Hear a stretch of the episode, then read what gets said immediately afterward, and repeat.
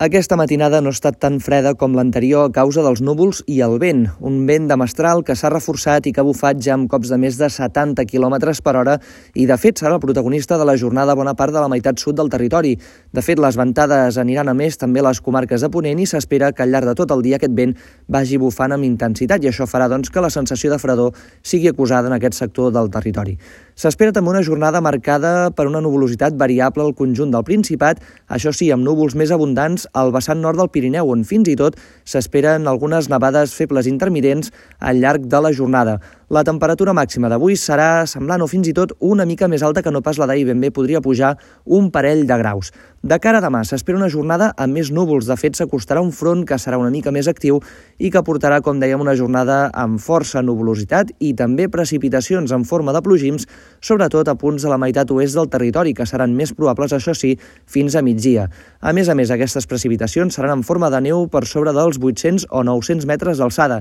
Tot i això, en algunes valls del Pirineu podria arribar a nevar per sota fins i tot dels 500 o 600 metres tan sols. A més a més, la temperatura màxima serà més baixa, sobretot al nord del Principat, mentre que al sud serà semblant fins i tot una mica més alta. De cara als dies propers, de fet, s'espera una setmana marcada encara per aquest temps variable, amb el pas de fronts d'origen atlàntic que portaran aquesta nuvolositat eh, canviant i també algunes precipitacions que es quedaran concentrades sobretot a la zona del Pirineu, especialment al vessant nord. Fins i tot, entre dijous i divendres podria haver-hi una tongada de pluges importants, especialment a la Vall d'Aran, això sí, amb una cota de neu ja més alta, i és que la temperatura a partir de dijous tendirà a recuperar-se.